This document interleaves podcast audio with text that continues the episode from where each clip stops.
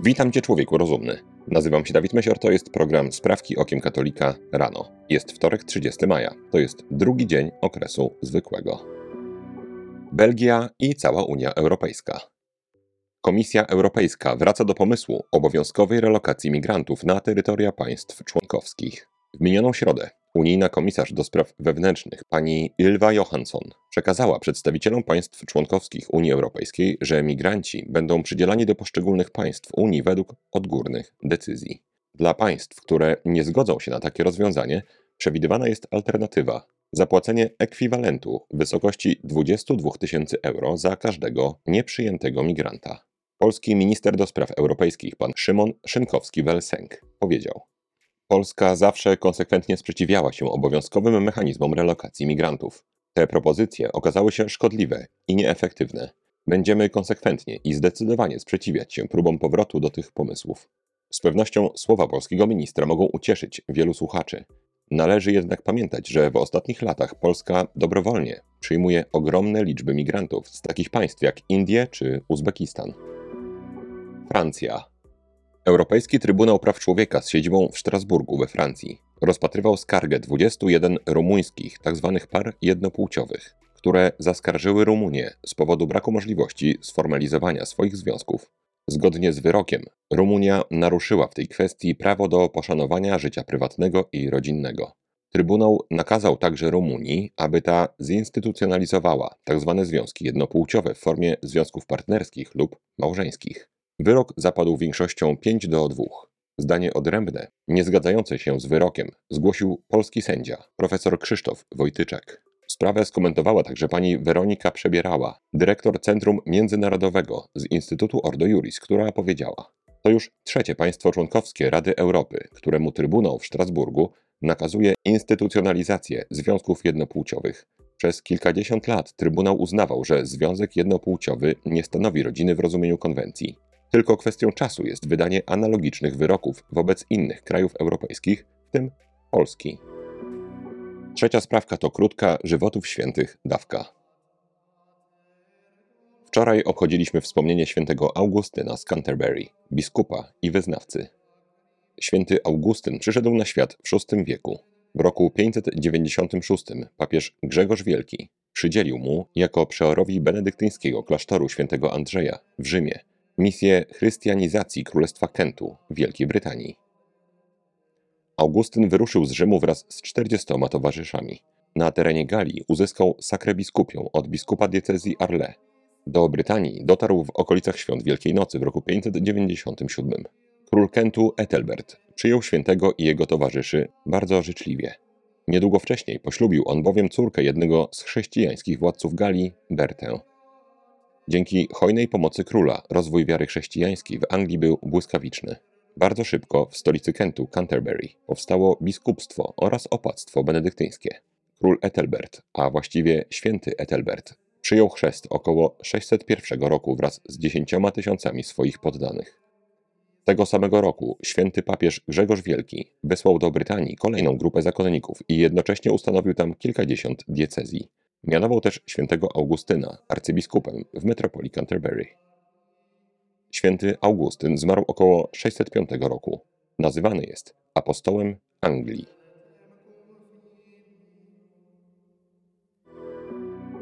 Wielka Brytania.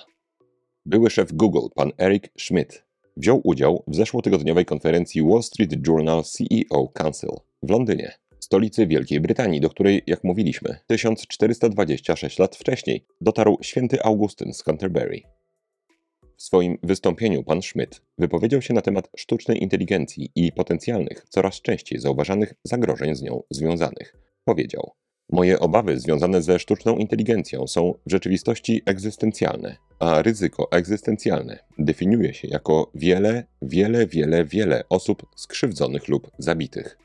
Dziś jest to fikcja, ale to rozumowanie prawdopodobnie okaże się prawdą.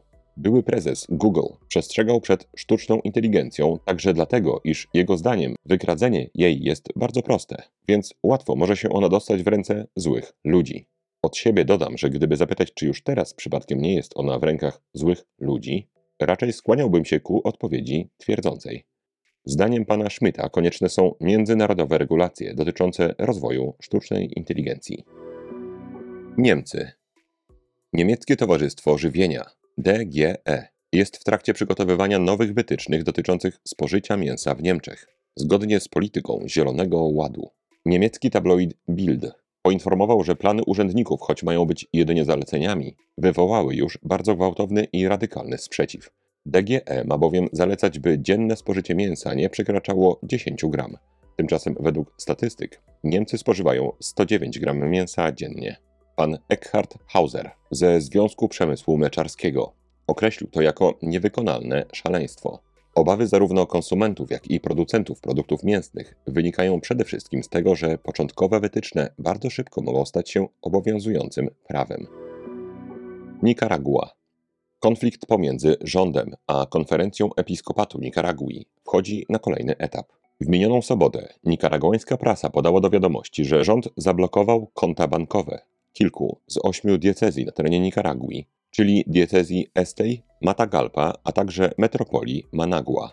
Arcybiskup Managui, kardynał Leopoldo Brenes, stwierdził, że nic nie wiedział o zablokowaniu kościelnych kont oraz że trwają prace nad rozwiązaniem sytuacji. Rząd, na czele którego stoi prezydent Daniel Ortega, od dłuższego już czasu jest w konflikcie z hierarchami Kościoła katolickiego. Pan Ortega zarzuca bowiem katolickim biskupom sprzyjanie lewackim i liberalnym siłom demokratycznym, które chcą sprowadzić Nikaraguę na ścieżkę zachodniej demokracji. Ostatnimi przejawami tego konfliktu było wydalenie z kraju kilku biskupów, a także państwowy zakaz organizowania procesji w czasie Wielkiego Tygodnia. W Nikaragui zaczynają mieć prawdziwy reżim. Natomiast sama blokada kont nie jest jakimś super wynalazkiem pana Daniela Ortegi.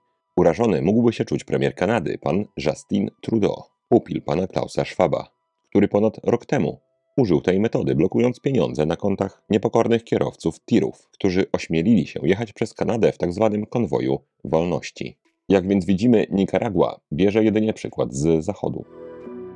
Polska.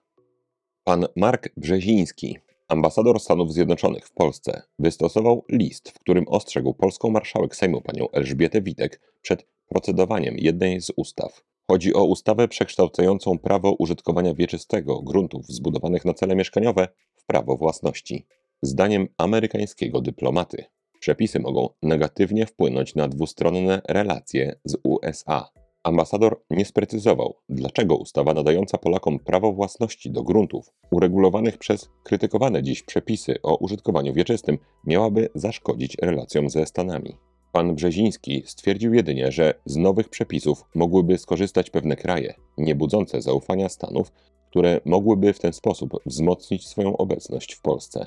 Można zadać sobie pytanie, czy kolejna już próba ingerencji przez Stany Zjednoczone wewnętrzne sprawy Polski, tym bardziej dotyczące kwestii cywilnych, własnościowych, nie powinna wywołać zdecydowanej reakcji rządu, który mieni sam siebie suwerennościowym. Ponownie Polska. Trwa spór pomiędzy polskim ministrem zdrowia a międzynarodowymi koncernami farmaceutycznymi, które wyprodukowały szczepionki przeciw COVID-19. Minister Adam Niedzielski po raz kolejny sprzeciwił się realizacji umowy pomiędzy Polską a firmami farmaceutycznymi, które pomimo gwałtownego spadku popularności szczepionek dalej mają prawo dostarczać je do Polski. W wywiadzie dla jednej z telewizji minister Niedzielski powiedział: Jesteśmy w procesie renegocjacji kontraktu i tutaj razem z grupą innych krajów, m.in. Węgrami i Rumunią, staramy się doprowadzić do tego, by kolejne zakupy zostały bardzo solidnie zredukowane.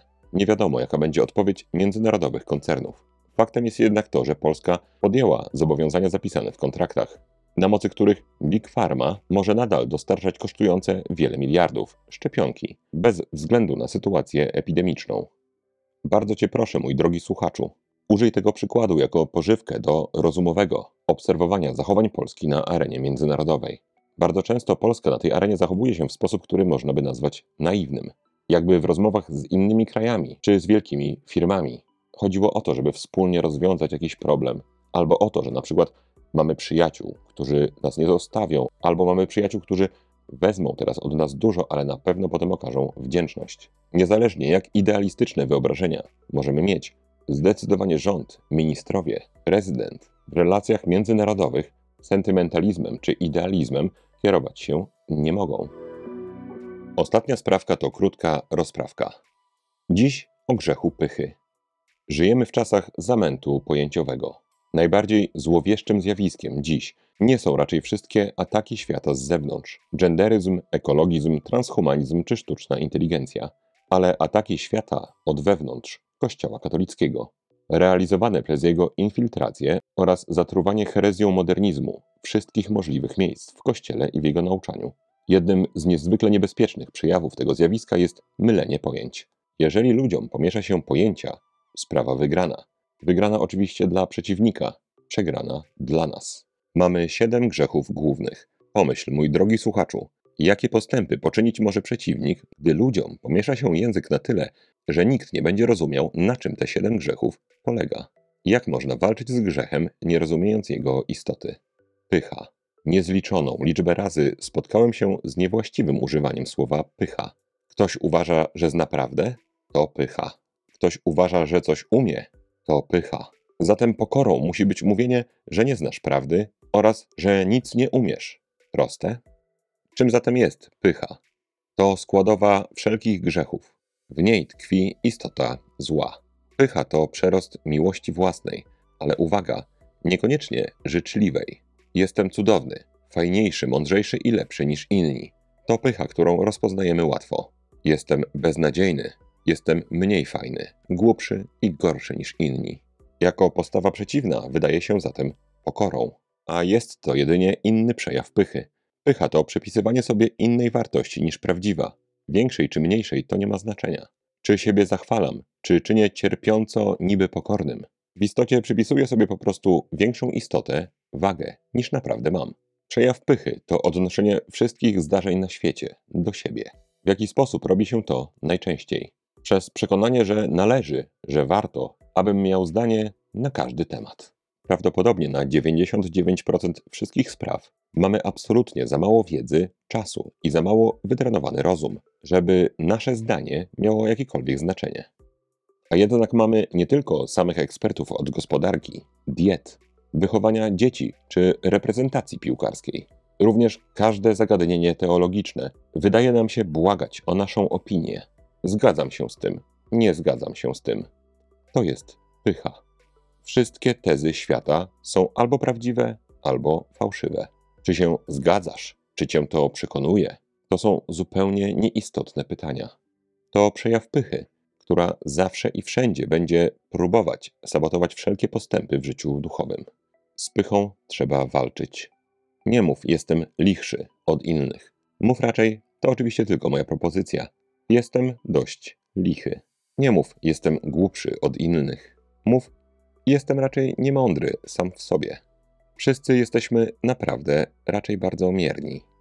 Jedynie pozwalając Duchowi Świętemu działać w nas, co wymaga wytężonej walki z naszą pychą, możemy otworzyć się na jakieś cechy pozytywne rozumność, miłość, dobrotliwość. Nie porównujmy się do innych, to również przejaw pychy. Przejawem pokory, tak mi się wydaje, jest jak najmniejsze skupianie się na tym pyłku, jakim w porównaniu do Boga i wieczności jestem. Wiele mądrych źródeł, mój drogi słuchaczu, twierdzi, że rozkosz kryjąca się za taką postawą przerośnie wszystkie nasze oczekiwania. To na dzisiaj wszystkie sprawki okiem katolika rano. Jeżeli słowa te miały jakieś znamiona sensu, daj proszę łapkę w górę pod tym filmem na YouTubie i napisz komentarz. Mam też przemożne wrażenie, ale raczej poparte faktami, że mój rozwój i dotarcie z treściami na YouTubie troszeczkę są ograniczane. Jeżeli więc masz chęć, może podeślij ten odcinek podcastu komuś znajomemu. Życzę Ci błogosławionego dnia. Święty Augustynie z Canterbury, módl się za nami. Człowieku rozumny, trzymaj się, nie łam się i bardzo Ci dziękuję za Twój czas. Zostań z Panem Bogiem.